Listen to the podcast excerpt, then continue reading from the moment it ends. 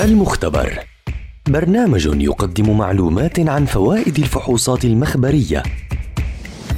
من تقديم الدكتور محمد عسعيس دكتوراه في المختبرات الطبية وأمراض الدم. المختبر برنامج يومي عبر أثير أجيال. أهلا وسهلا بمستمعي ومستمعات أجيال عبر منصاتها المختلفة. فحص مخزون المبايض.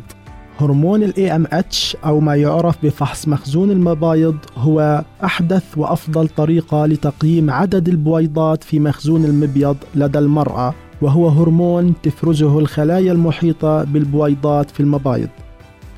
تزداد مستويات هرمون مخزون المبايض حتى مرحلة البلوغ المبكرة ثم تنخفض ببطء مع تقدم العمر ثم تصبح منخفضة للغاية قبل انقطاع الطمث تشير قيم هرمون مخزون المبايض الأعلى من 1.2 نانوغرام لكل مل عادة إلى أن المرأة لديها مخزون مبيض طبيعي وإذا كان مستوى هرمون مخزون المبايض أقل من 1.2 فهذا يعني انخفاض مخزون المبيض لديها.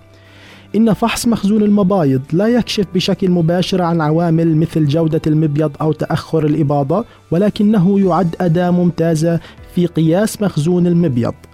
من الضروري إيقاف حبوب منع الحمل قبل شهر إلى شهرين من إجراء اختبار أو فحص هرمون مخزون المبايض.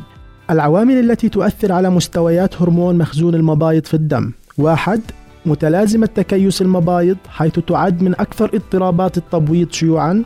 اثنين وجود تاريخ مرضي من جراحة المبايض.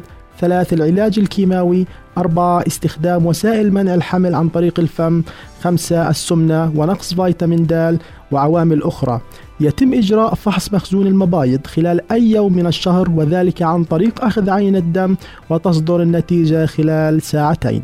استنونا في حلقة جديدة عن فحص ومعلومة جديدة. دمتم بصحة.